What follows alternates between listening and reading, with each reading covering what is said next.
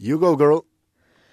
Um, poslušate Met in Čaj, to je podcast o medijih, dobrih in slabih praksah, novih tehnologijah in trendih prihodnosti. Gostje v medijih živijo, uh, delajo, z njimi živijo, v medijih delajo in o njih razmišljajo. Vaša gostitelja pa sva Aljaš Pengovitenc Radio Chaos in Nataša Briški Metina Lista. Dobite naj na uh, Twitterju pod Afna Pengovski in Afna DC43, tako isto metino listo, pa tudi spremljava um, ključnik Metin Čaj. In sva hvaležna za spremljanje epizode, tudi za komentarje, ki nam jih pošiljate. Imamo zelo posebno epizodo, zadnji dan objavljamo, zadnji dan v. Leto 2022, ali jaš tega, ko čuješ malo na slabem glasu, slišim? Ja, ne vem, v, treba je biti zdaj odkrit, ne, draga Štefica. V resnici ne vemo, kaj, na kakšnem glasu bom na zadnji dan letošnjega leta. Je pa res, da dan, ko to snemamo, um, pa nisem v najboljši koži. Ampak tudi to pride. Ne. Se bomo potrudili, da, da bo mehko in nežno, aljaš. Naj na gostja tokrat bo tako o zelo neobičajni, vsaj za najne podkaste. Mislim, neobičajni. Ne govoriva o teh stvarih pogosto in to bo tema uh, glamour moda, bleščice, pa jaz sem verjetno čist premalo vsega povedala. Vse ostalo bo sledilo v pogovoru z Špelo Štamol. Špela je eh, glavna šefica. Špela, kaj je čisto uradno tvoj eh, naziv pri Graciji ali z Gracijo? Živijo. Uh, moj naziv je glavna urednica revije Gracija. Lahko sem tudi odgovorna, vendar uh, se ne rada hvalim s tem, ker sem tako in tako vedno odgovorna za vse. ok, sva zelo vesela, da si se nama pridružila, ker sva rekla, ker že pade epizoda prav na Silvestrovo, da nujno moramo o teh stvarih več govoriti. Zdaj pa um, ritem v metinem čaju je um, enak na začetku in koncu z vsemi gosti in sicer na začetku pa vprašava vsakega, da se mal predstavi medijsko, uh, da tisti, ki ga ali pa jo ne poznajo zelo dobro, da vejo, odkje prihaja, kaj dela in tako dalje. Lej, izvoli, povej, kakšen je tvoj medijska biografija, kakšna je? Uh, kronološko gledano bi predolgo trajalo, ker sem v medijih že skoraj 18 let, uh, kar pomeni, da sem od uh, lokalne urednice uh, revije Mariborčan, ki je opozarjala dejansko na padske in pozitivne strani mesta Maribor, nadaljevala svojo pot v bolj modni smeri, ki je tudi današnja tematika. In sicer sem bila najprej urednica, izvršna in kasneje glavna avtorske revije Bela Dona in zadnjih 11 let revije Gracija, ki sem jo v Slovenijo pripeljala prav jaz. In uh, morda ne, ravno tega ne vedo vsi, da licenco za revijo je treba pridobiti v Italiji, kjer obstaja že 80 let.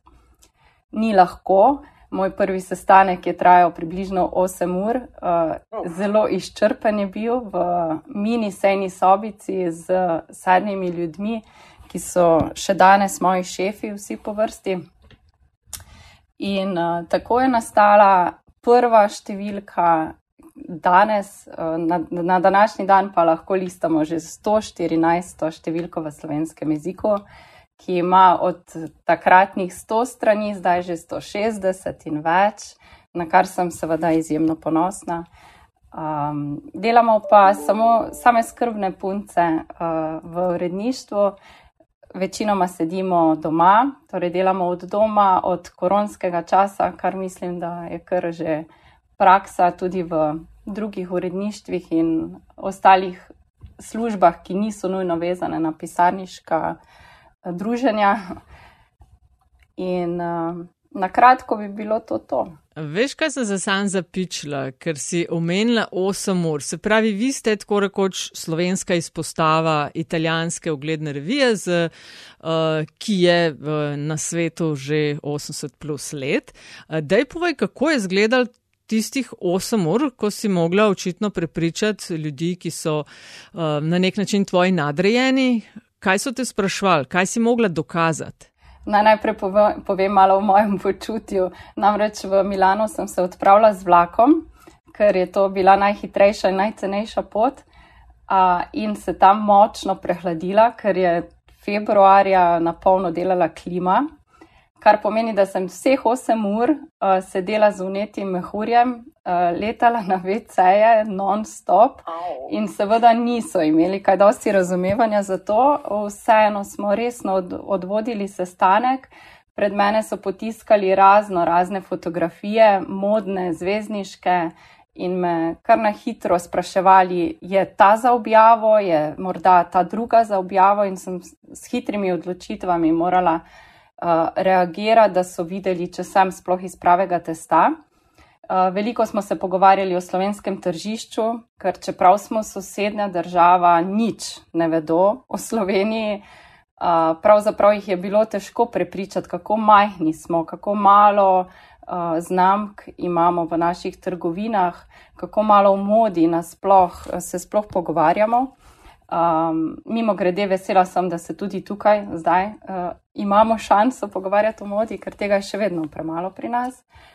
Uh, in na koncu sestanka niti nisem vedela, kaj to pomeni. Ali licenco bomo dobili, ker sem bila del večje založniške hiše s takrat 16 naslovi, revi, ali je ne bomo. Tako da tudi na to odločitev smo morali potem počakati. Anekdota tega sestanka, ki pa bo morda najbolj zanimiva, pa je ta, da smo preživeli štiri potrese med sestankom. Namreč eh, ta Mondadori grupa ima sedež podjetja na zelo eh, občutljivem področju med jezeri in močverji. In tudi stavba je zgrajena tako, da se prav lepo miglja med potresi, seveda so oni to sprejeli kot nekaj normalnega, eh, običajnega, jaz pa sem se kar za mizo držala in mi ni bilo nič jasno, zakaj ne prekinemo tega. Seveda sem bila prestrašena, mlada, ničim ni bilo jasno, sploh zakaj jaz delam tam, če sem stara manj kot 30 let, urednice v tujinah pa so približno 50 plus načeloma. Um, um, no, zdaj pa uh, debata da ne prihranimo za čist na konc. Ali jaša sem te jaz zgubila? Kaj, ne, ne, ne, ne, ne, v redu, sem, eh, nisem čist videl točno, uh, kje smo, ne? ampak. Uh, Ona je zdaj povedala, kako je Gracija sploh prišla v Slovenijo. To sem, to sem se... razumel, ampak zdaj, se pravi, poskušam uh, razumeti, kaj se je v resnici zgodilo. Se, se, se pravi, uh, ti si na nek način tam pridobila, kaj je to, franšizo za revijo. Tako je. Uh, Italija uh, ima oddelek Gracia International, ki po podeljuje, se odloča, katera država bo uh, lahko izvajala, torej se podpisala pod njihov logotip in izdajala revijo Gracia. Uh, smo kot neke vrste družina, zdaj je že 21 uh, revij po svetu, med drugim tudi ZDA se je lani priključila. Um, tako da gre za veliko družino. No? In v bistvu zanima me zato, ne, ker pač tako kot. Če si prav predstavljam, ne, te, eh, kako se konglomerati odločijo, da rečemo, podelijo franšizo ne, za, za nek trg, kaj vse, poleg tega, reči, tvoje uredniške sposobnosti, je bilo tisto, konči, to, kar je v končni fazi vplivalo na odločitev, da Gracija Slovenija postane realnost. Ok, eno kot rečeno, tvoja tvoje uredniška sposobnost oziroma odločitve, ki si jih tam nakazala, so jih prepričala, da si kader. Uh, očitno trg tudi, ampak tako, a veš, um, zakaj recimo niso rekli, da gremo v Zagreb, pa bomo regijo pokrivali? Uh, zato, ker je v Zagrebu že bila Hrvaš, Hrvaška, Hrvaška in Srpska Gracija so obstajale že pred nami in uh, to je tudi prepričalo lasnika založniške hiše uh, takratne, kjer sem bila še jaz zaposlena, preden je šla v stečaj, uh, da se je sploh začel zanimati za medij Gracija, ker v tej založniški hiši, kot sem omenila, 16 naslovi ni bilo nobene modne revije, oziroma je bila samo ta avtorska Bela Dona, ki pa pravzaprav ni prinašala in ni mogla prinašati uh, tako bombastičnih zgodb, kot jih lahko Gracija, ki ima možnost zaradi tujine uh, priti do dosti bogatejših vsebin. In to je tudi naša prednost. Vedno ima licenca neke večje znamke, naslova, prednost, da pridobi tako fotografije kot zgodbe, intervjuje, fotografiranja z veznicami. Naprimer, sama se nikoli ne bi mogla pogajati za uh, naslovnico s Kim Kardashian, Victorijo Beckham, Mariah Carey, pa smo kot del družine Gracija, torej kot franšiza, do tega tudi uspeli priti in objaviti. Ampak potem, ko se ti uh, uh, v uredništvu, ko se odločate o naslednji številki, koliko imate potem sploh v resnici uredniške in vsebinske svobode?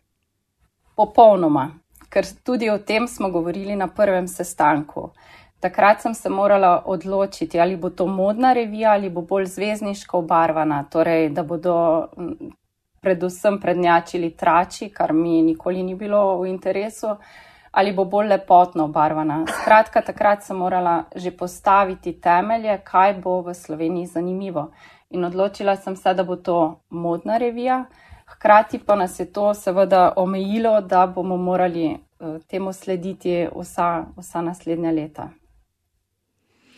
Um, ko govorimo o modi špela, koliko zelo ti pač zaradi narave svojega dela, veliko tudi predvidevam potuješ, veliko spremljaš, kaj na tem področju se dela, ne vem, druge po Evropi, po svetu, koliko pomembna ti ocenjuješ, da je moda za slovence in slovenke? Oziroma, kaj sploh razumemo pod moda? To pomeni imeti eno znamko na sebi ali nekaj čist dragega ali nekaj totalno, eh, ne vem, neobičajnega. Eh, takoj ti odgovorim, samo da dokončam prejšnjo misel. A, pardon, izvolite. Pred vsako številko uh, se usedemo v rednice in nastavimo temelje za prihodnjo številko, in pri tem smo popolnoma an, avtonomne. Ne potrebujem odobritev, uh, ni mi potrebno kopirati ali črpati vsebini iz tujih gracij, lahko pa so mi seveda v pomoč. Tako kot sem rekla, neke zvezdnice, do katerih sami ne moremo priti bomo seveda prevzeli zgodbo, prevedli, vse ostalo, intervjuji, eh, lepotne in modne zgodbe pa so popolnoma naše. Na začetku ni bilo tako, pa vendar, odkar sem sama prevzela franšizo po stečaju prejšnjega podjetja, založbe, sem spremenila to taktiko, ker mi je ljubša in vidim, da tudi v Sloveniji dosti več pomeni, če imamo avtorske zgodbe in tudi več slovenskih lokalnih uh, zgodb. Uh, tudi kar se mode tiče, Nataša, ja, da se zdaj posvetim tvojemu vprašanju. Vsekakor moda slovenke zelo zanima. Ne bom rekla, da tudi moške, pa vendar smo na boljši poti kot pred leti. Ampak eh, se mi zdi, da imamo še vedno premalo poguma, pa tudi to se z, eh, z družbenimi omrežji se mi zdi nekoliko krepi, spreminja. Eh, zgodbe, ki jih sami objavljamo, seveda večinoma, bom rekla, nažalost, moramo iti iskat v tujino. Udeleženi smo na Fashion Weekih v, v tujini, hodimo na predstavitve kolekcij, ki so naprimer zdaj se zaključile za pomlad poletje, tako da potovanja so se tudi iz moje strani za nekaj časa ustavila, hvala Bogu.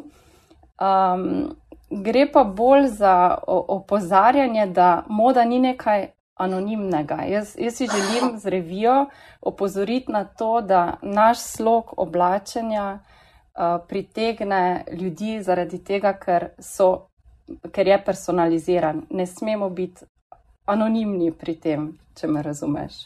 Ja, te razumem, ampak se pravi, um, to je nekako pri vas, ki ste poznavalke in poznavalci tega. Kaj pa, kako pa slovenc in slovenka razume ta modo? Da si nekaj čim dražjega kupta, da, si, da, da je nekaj in se pohvalimo z, o, to znamko nosom? Ja, večinoma ja. Je pa pohvale vredno, da mladi uh, pa so dosti bolj osveščeni v, v tem pogledu, da želijo biti samo svoji. Veliko se kupuje tudi second hand oblačil, s tem pokažejo svojo držo uh, tudi do okolja, planeta, politike, če ne druga. Uh, in to, to mi je res zelo všeč, da želijo ostati svoji, hkrati pa podpirajo tudi uh, okoljstvene uh, tematike, problematike. Medtem ko večina pa še vedno veliko da na to, ja, da hit, hitro modo želijo nadgraditi z kakšnim dražjim kosom. Ni, nič slabo, to je super, dejansko, da se znajdejo kombinirati. A, ampak ne gre za glamur, ne gre za modo, samo pri zapravljanju bajne vsote denarja. A hitra moda pomeni, da je nekaj kupljeno iz teh bolj poceni trgovin? Tako. A, pa moški, če sem te prav ujela, niso toliko zelo, um, ne padajo toliko zelo na modo, ali slovenci, da smo kaj posebnega v tem, ali je tako, tako in tako po celem svetu? Smo kar posebni, uh, sploh, Res? ko se moški želi urediti tukaj vidim največ kiksov, uh, ker pravzaprav večinoma potegnejo iz omare neko obleko iz naftalina in uh, se vidi na daleč, da je to obleka iz 80-ih, morda v najboljšem primeru 90-ih let, prav tako uh, čevlji. Ja, iz mature vendar, ne? Tako, kroji so se kar močno spremenili tudi v moški modi in to se seveda opazi. Če, če tudi moški, moškemu tega ne bo rekel ali pa niti ne bo opazil, ženska zagotovo bo. No, um, eno vprašanje je, če prav razumem, zma, povedala si, ne, Gracija je uh, del italijanskega uh, medijskega modnega uh, konglomerata. Zdaj, jaz, ne, kot um, tipičen slovenec se na modo ne spoznam kaj dosti, kot je pač bilo razvidno iz priloženega. A, pa vendarle, čeprav razumem, obstaja ta velika modna skizma ne, med um, francosko modo in italijansko modo. Ne. Prva naj bi bila, tako kot eh, se temu reče, od couture, pač stvari, ki so narejene. Balkan je samo za napisto, ker po ulici s tem ne moreš hoditi. Medtem, ko italijanska moda pa ne bi bila bolj praktična. Ne? In me zanima, a to, zdaj prvič, a, to ved, a to še vedno drži, in drugič, kako to vpliva na vaše razumevanje in vaše poročanje o modi in modnih trendih. Hm, dobro vprašanje. Uh, ja, to še vedno drži. Najbolj uporabna v tem pogledu, kar uh, si mislim, da misliš ti, uh, je še vedno ameriška moda. In New Yorkski Fashion Week bo recimo vedno ponudil za naš trg uh, največ uporabnih uh, trendov, medtem ko francoski in uh, angliški najmanj, ker se ne moremo poistovetiti. Italijani pa so tako in tako modni guruji, ki nam bodo vedno predstavili še najbolj preproste uh, reči, kroje, barve na tak način, da jih bomo vsi želeli imeti. Uh, je pa res, da smo modne revije, kar veli, eh, moramo uporabiti kar uh, gosto sito, da, da spravimo v, uh, na, na natisnjeno revijo potem trende, ki bodo zanimale slovenke. In nič koliko krat se mi je zgodilo, da sem kar na osebni mail dobila kakšno sporočilo razočarane bralke, ja kaj mi bo pa to perje to ne morem nositi nikamor. Dejansko moda narekuje, ne vem, barvito krzno za letošnjo zimo in to krzno zgleda kot eh, kakšna kokoška včasih. Eh, in seveda se na ta način ženska, pa tudi moški, ki ne razume toliko mode, obregne na način, kaj bom jaz s tem. Na modo ne gledamo samo iz uporabnega vidika, seveda, tudi na umetnost. Ne. Kaj nam bo, na primer, neka umetnina, kip, slika, če ne vidimo v njej nič uporabnega. Večinoma ni uporabno, je pa lepo. No, potem pa dajmo uh, razrešiti še eno dilemo, ko smo že ravno pri tej temi. Ali je uh, športno šik, ne, kar mislim, da je oprava večine slovencev, ne, če samo slovenca, ali to sploh je modna, modna smernica? Maja, teh uh, smernic je ogromno in dovoljuje se vedno več. Uh, svobode pri tem, kar ni nič narobe, uh, razen če posežemo v neka področja, kot so uh, poslovni stili, uh, politika, protokolarne zadeve. To, to so drugi segmenti, tam se ne moremo uh, hecati, ker nam narekujejo, ampak ravno z družbenimi omrežji, z vplivnicami se je. Toliko trendov in slogov pojavilo in so tako dosegljivi uh, prav iz sledenja trendov, ne? niti treba kupiti modne revije, gracije recimo, da boš sledil trendom, lahko sam pokukaš na kakšno družbeno omrežje in vse jasno, komu in kako slediti, kako kopirati stil, ponuja se. Ponujajo se zdaj že linki zraven, kje to kupiti in tako naprej. Uh, tako da športni šik mi je prav všeč izraz. Aljaš, poglej ti to. Evo, reš, rešen sem, rešen, rešen si. Uh, veš kaj, omenjala si te vplivnice in vplivneže. In to je zanimanjem, ne zdaj prav zelo velik, ampak tudi pogledam mal, ali pa mi kdo svetuje, hej, dej tej, ali pa temu sled, to pa to objavlja. Ne? To je, se mi zdi, v zadnjih letih, se pravi, ljudi, ki objavljajo karkoli na modo, eksplodiralo. A se to samo meni zdi ali res? Res, res. Seveda pozdravljam vsako pogovarjanje o modi, po, pojavljanje karkoli, samo da se o modi govori. Uh, je pa na drugi strani, seveda, dvorezen meč, kot ponavadi pri teh zadevah, da se tudi škoda že, že vidi. Uh, zakaj? Zato, ker se podpira uh, prehitre odločitve, uh, potrošništvo, ki je že tako in tako eksplodiralo. Uh, kot vsi vemo, uh, podnebne spremembe niso včerajšnja tema, že dolgo živimo s tem in moda je zelo, zelo velik akter pri tem. Sama sem mnenja, da bi morali bolj zmerno premisliti in zato tudi nisem vplivnica. Hočeš, ne, ampak nisi pa na Instagramu, si si. Sem, sem, sem kot špelaš tamol.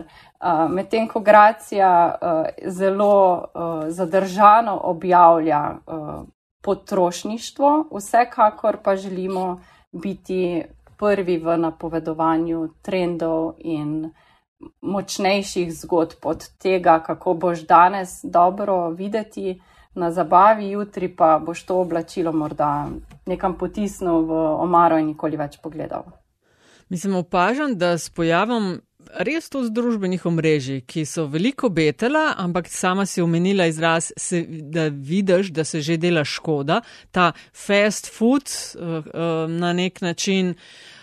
Um, pametovanje, priporočanje in tako dalje, vsi vse lahko, vsi smo vsem na različne teme znamo oziroma ne znamo povedati, ampak vsem je to isto opažam na primeru medijev, ne, ker zdaj pač vsi imamo lahko svoj TV kanal, svoj radijski kanal in tako dalje. In se tudi že uh, pozna, je veliko dobrih stvari, ampak tudi s količino pride veliko šodra. Ko si pa omenila trende, koliko časa urednica ene toliko gledne revije ali pa številka ena, kar se mode tiče v Sloveniji, preživi v iskanju trendov, da ste potem prvi in prve, ki poveste, to se bo pa ne vem, drugo leto na smočiščih ali pa poleti nosilo in pomladi. Koliko časa se pravi ti uh, preživiš, da to najdeš? A greš pogosto na tuje in če kam? Uh, na prvem mestu um, imam seveda dobro ekipo. Kar pomeni, da za to vrstne vsebine mora poskrbeti modna urednica, Uh, jaz sem samo um, predlagatelj tematik, ki sem jih zaznala, ki se mi zdijo smiselne, in pa na drugi strani to sito, o katerem sem govorila, da morda kdaj kaj zavrnem, da ne sodi v slovenski medijski prostor, za slovenske bralke primerno. Torej. Uh, tako da po področjih imamo kar razdeljene teme.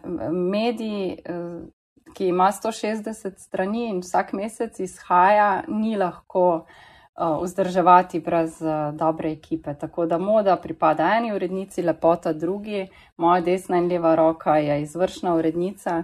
Tako da v iskanju trendov, za iskanje trendov sama ne porabim toliko časa kot naprimer za Eh, iskanje nekih glavnih eh, tematik, ki bodo vodilo posamezne številke, ker eh, nam je všeč ideja, da ima vsaka številka neko močno idejo, sporočilnost, ali je to trajnost, ali je to glamur, kot je recimo pri zadnji številki, ali je to sreča, iskanje sebe. Karkoli že izberemo, tudi moda mora potem tej tematiki slediti. Um, kako pa, če smo že, če ste omenjali, influencerje in influencerke in tako dalje. Ena od um, stvari, ki je nekako izbila na plano v zadnjih uh, tednih. Uh, so bili po, pač, okay, po eni strani je bila ta zgodba z kaj že nedovoljenim otroškim delom, ampak um, to je del te širše zgodbe v bistvu konflikta interesov. Uh, ker influencer K ni medij, uh, ni zavezana nobenim etičnim, še pa širšim etičnim načelom, uh, medtem ko Gracija kot uh, modna revija, pa sploh verjetno kot del konglomerata, pa je. In zdaj kako vi rešujete um, te, bom rekel, etične dileme, ki so našemu novinarskemu poslu inherentne in ki so pa zelo pogoste sploh v nekih podžanrih novinarstva, recimo uh, računalniško oziroma tehnološko novinarstvo, avtomobilsko novinarstvo, ne? tudi športno novinarstvo v končni fazi. Uh, kako ločiš svoje preference od tega, kar je. Um, po tvojem objektivnem mnenju tisto, kar morajo uh, bralke in bralci videti, prebrati? Ja, na prvem mestu je zagotovo strokovnost, profesionalnost cele ekipe, ker uh, influencerji recimo nimajo, vsaj v Sloveniji, ne, ekipe, ki bi bila za neko področje specializirana. In uh, mislim, da je tu, če želiš biti medij, torej uh, vplivati tudi kot mediji, to na prvem mestu pa naj gre za šport, katero koli področje, modno, katero koli. Na, na drugem mestu pa so to kvalitetne vsebine. In brez te strokovne ekipe tudi kvalitetnih vsebin ne moreš uh, pripraviti. In vsi vemo, da na Instagramu, naprimer, ali pa kakšnem drugem družbenem omrežju bomo preživeli morda veliko časa, ampak nam kaj dosti od tega ne bo ostalo, ker vsebin, torej da bi kaj pametnega prebral, ali je to intervju, ali je to kolumna, uh, družbeno, politično, odgovorno, uh, vsebinsko, polno delo se pozna samo, uh, mislim, lahko naredi samo dober novinar. In tukaj vidim glavno razliko. Temu moramo slediti, pa ne samo zato, ker smo licenčna revija, ampak zato, ker smo tiskani mediji in tu, tu moramo imeti večjo odgovornost, kot pa vsebina, ki jo slišimo, vidimo zelo na kratko na, na omrežjih. Moje mnenje. Um, prej si omenila trajnost v modi, oziroma da je tudi ko se odločaš, kaj bo rdeča nit določene revije, ne vem, je lahko to tudi trajnost. V povezavi z modno industrijo, proizvodnjo oblačil in tako dalje, gre prav na račun trajnosti velike kritike, čež da so med največjimi onesnaževalci. Um, koliko zavesti je v modni industriji po tvoji oceni, da to verjeten je problem in da je nekaj treba narediti, ali se poskuša to bolj pod preprogo dati, češ za više cilje, za visoko modo, za ne vem, modo, je pač treba potrpeti ali kaj. Uh, se je dajalo predolgo pod preprogo, če se mene vpraša, ampak so na vidiku spremembe. Že dolgo časa so manjše in večje modne znamke zavezane k trajnosti, k ponovni rabi, materijalov, recikliranju. Uh, določene znamke nam, nas tudi kot novinarje peljejo v kakšne tovarne reciklaž, uh, pokažejo, kako nastanejo iz starih nova oblačila in podobno. Uh, pozdravljam pa seveda tudi veliko modnih znamk novo nastalih, v, to pomeni v zadnjih desetih letih, ki so družbeno odgovorne, kar se tiče in nastajanja in okoljsko. Uh, uh, pardon, odgovorne, da ne črpajo preveč vode, elektrike, uh, niso škodljive za uh, okolje, tako ali drugače. E, in tega je res veliko. Uh, poleg tega pa se seveda veliko tudi uh, iz druge roke prodaja, tako da moda gre v pravo smer in absolutno upam, da bo zmanjšala um, ta odtis na planet, ki je zaskrbljujoč, ker mislim, da so celo na prvem mestu, kar se tiče onesnaževanja. Predvsem se je to dogajalo zaradi sežiga prevelike količine neprodanih izdelkov. Uh, ker naprimer zveneča modna uh, znamka, kot je Burberry, Prada in podobne, niso želele pod ceno prodajati svojih izdelkov in so jih rajši sežgali. In to je, to je grozljivo, ko pomisliš, ne samo kako nastajajo, ampak kako potem ti izdelki zaključijo. Uh, to je katastrofalno. Tega naj ne bi več bilo. Poleg tega se je pa letos še en premik zgodil pri uh, večjih modnih znamkah in sicer, da so kolekcije, ki so bile predstavljene zdaj z, med, v zimskem času, torej za pomlad, poletje, že nosljive tudi zdaj, kar pomeni, da so se sezone nekako začele združevati. Ni več predzimske kolekcije, pa zimske, pa predpoletne, pa poletne, tako da jih je manj in, v, in to gre torej v pravo smer. Je dovolj močen pokazatelj, da bodo sledili tudi ostali, ki recimo želijo prodajati hitro modo. A pa je gracija, ali pa nasploh modni tisk, ne? a je to, um, kaj je to, medij oziroma kanal, kjer se to vrstne teme lahko odpira, da tako rečem. Um, Omenila si, ne pač, um, se pravi, no, metanje stvari stran, da grdo reče, oziroma um, zažiganje. Um, imeli smo tudi uh, veliko primerov, bilo, ko se je pač izkazalo, da nekdo, uh, da kakšni artikli, ne, visoke ali pa više mode, nastajajo v bodi si z, z um, otroškim delom, ne, oziroma v, v pogojih skoraj uh, suženskega dela. A so to stvari, ki, so, eh, ki jih recimo se v takšnem tisku to odpira, se o tem poroča, ali se to ignorira in se, recimo, da se, to, da se rešuje to v drugi vrste medijih? Absolutno, mora se tudi na to upozarjati, ampak eh, argumentirano, preverjeno, seveda z kančkom raziskovalnega novinarstva, ker to, kar objavijo ostali, ni nujno, da je vse res. Ne? če imaš možnost preveriti, kar pri ravno teh tematikah uh, je skoraj nemogoče, nažalost. Uh, jaz pa sem mnenja, da če je nepreverjena novica, uh, težko uh, objektivno prikažeš uh, kot nekaj resničnega, uh, potem se rajši teme ne bi dotaknila. Ampak o trajnosti zelo veliko pišemo in zdi se mi, da ravno z osveščanjem in na sveti, da lahko delujemo drugače, kot smo vajeni, ker najlažje je postalo klikniti na tri spletne trgovine in naročiti na dom nov styling, ki ga potrebujemo za, ne vem, silvestrovanje, recimo. Um, to, tega pa ne podpiramo. Ne? Tako da tu se, mora, tu se mora ustvariti razlika in ravno osveščanje je tisto, ki je poglavitno. V zadnji številki, naprimer, pišemo o ladijskih kontejnerjih, ki ostajajo zavrženi, ker jih seveda praznih ne vračajo uh, tja, odkuder je naša roba, ki smo jo poklikali na spletu, prišla. Ne?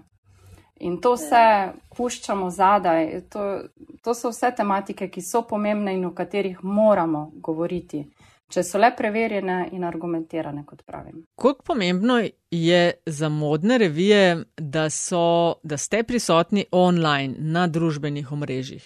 Mislim, tudi spletne strani in družbena omrežja.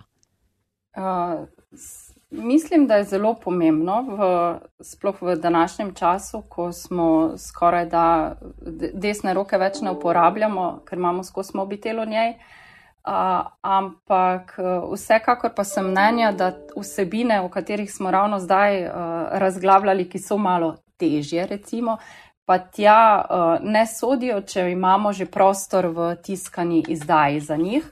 Zato se vsebinsko zelo razlikujejo Ja, to sem opazila. Ja.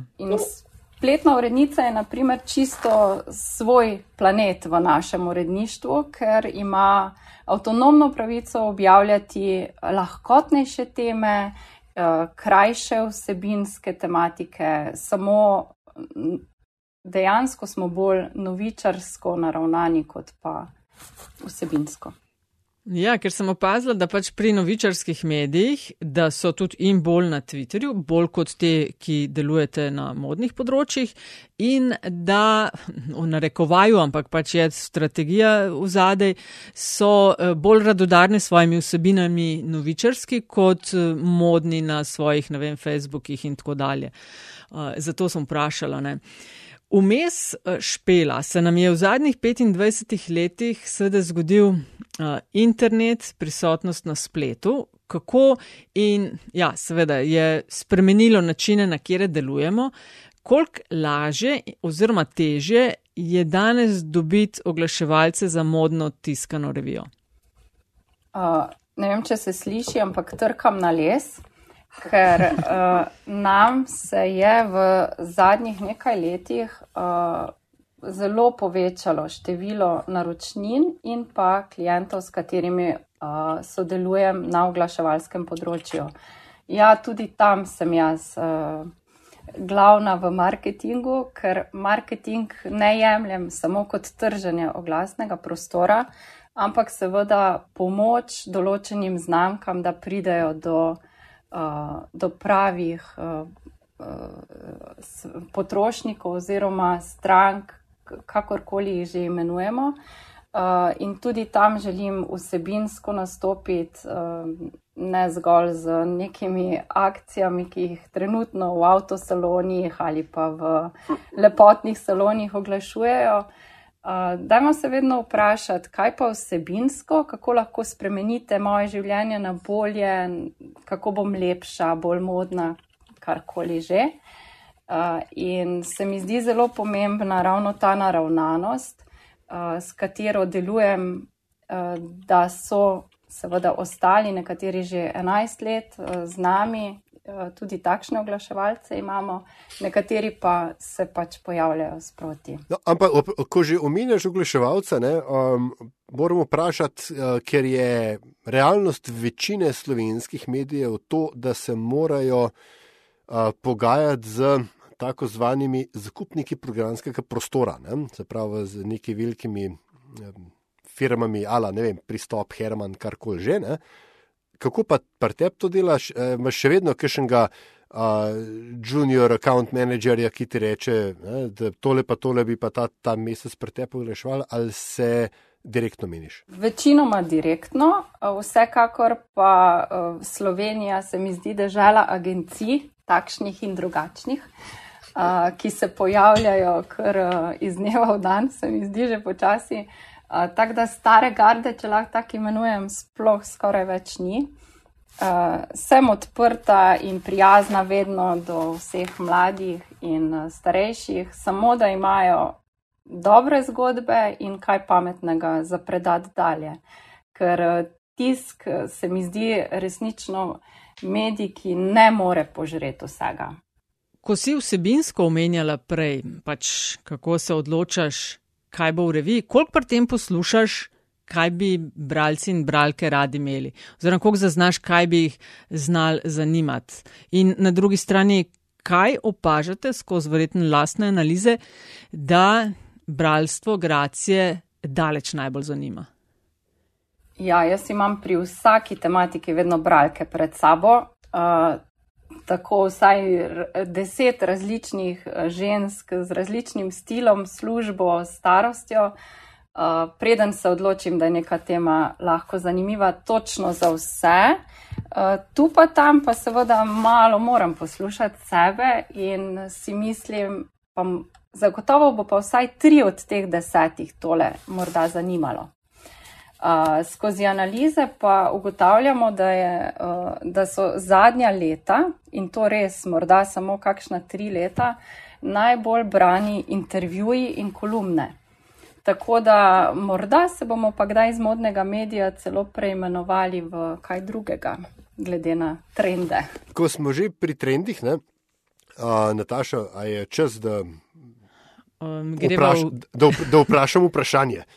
Um, še eno bi, še no, eno. To je še enega, potem pa jaz. Ja, ja okay. okay. Evo, špela še to. Kdo so za tiste, ki ne spremljajo ali pa ne spremljamo mode in kar se dogaja na tej sceni v Sloveniji, kdo so največji frajeri in frajerke, pa pri tem ne mislim samo tiste, ki ustvarjajo in delajo v Sloveniji, ampak tudi uh, tiste, ki delujejo v tujini. Jaz bi najrajše, najrajše diplomatsko odgovorila, da smo lahko čisto vse in vsak uh, sam svoj modni guru, ker moda resnično dopušča veliko svobode, moda je igra.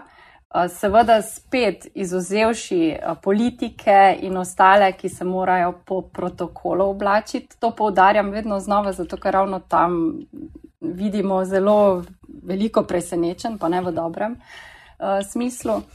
Um, Medtem ko, če bomo samo spremljali malo trende, ki se odvijajo na modnih revijah, uh, bomo čisto dovolj posrkali. Ni treba, da hodimo toliko v trgovine in klikamo po spletu. Uh, moda je lahko tudi kot črpanje uh, umetniških navdihov. No, evo.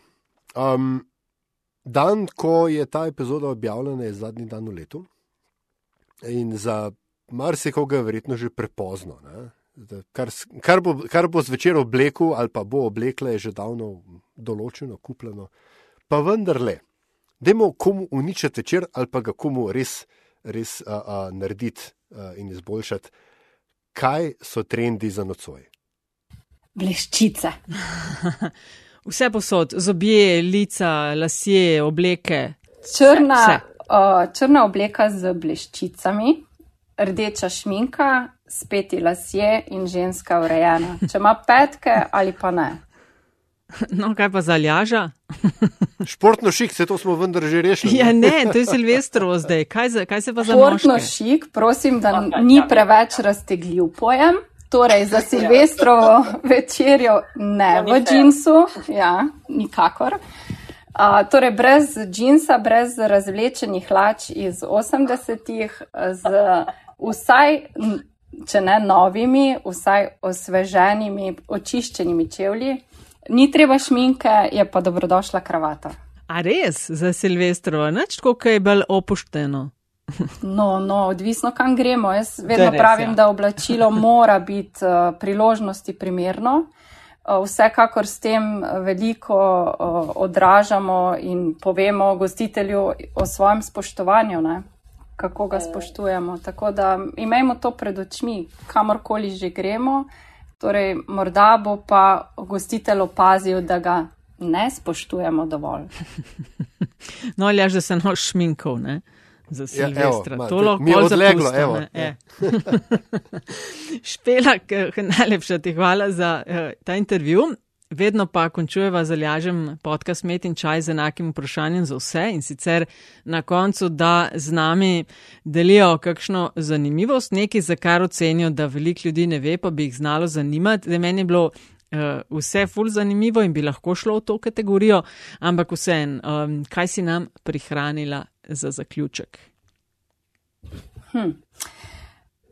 Dejansko se nisem nič pripravila na to, ampak je zdaj prva misel glede na to, eh, glede na va- vajne poslušalce in poslušalke, eh, da so morda nekoliko pozorni pri eh, ne toliko izbiri trendov, ampak pri izbiri velikosti oblačil.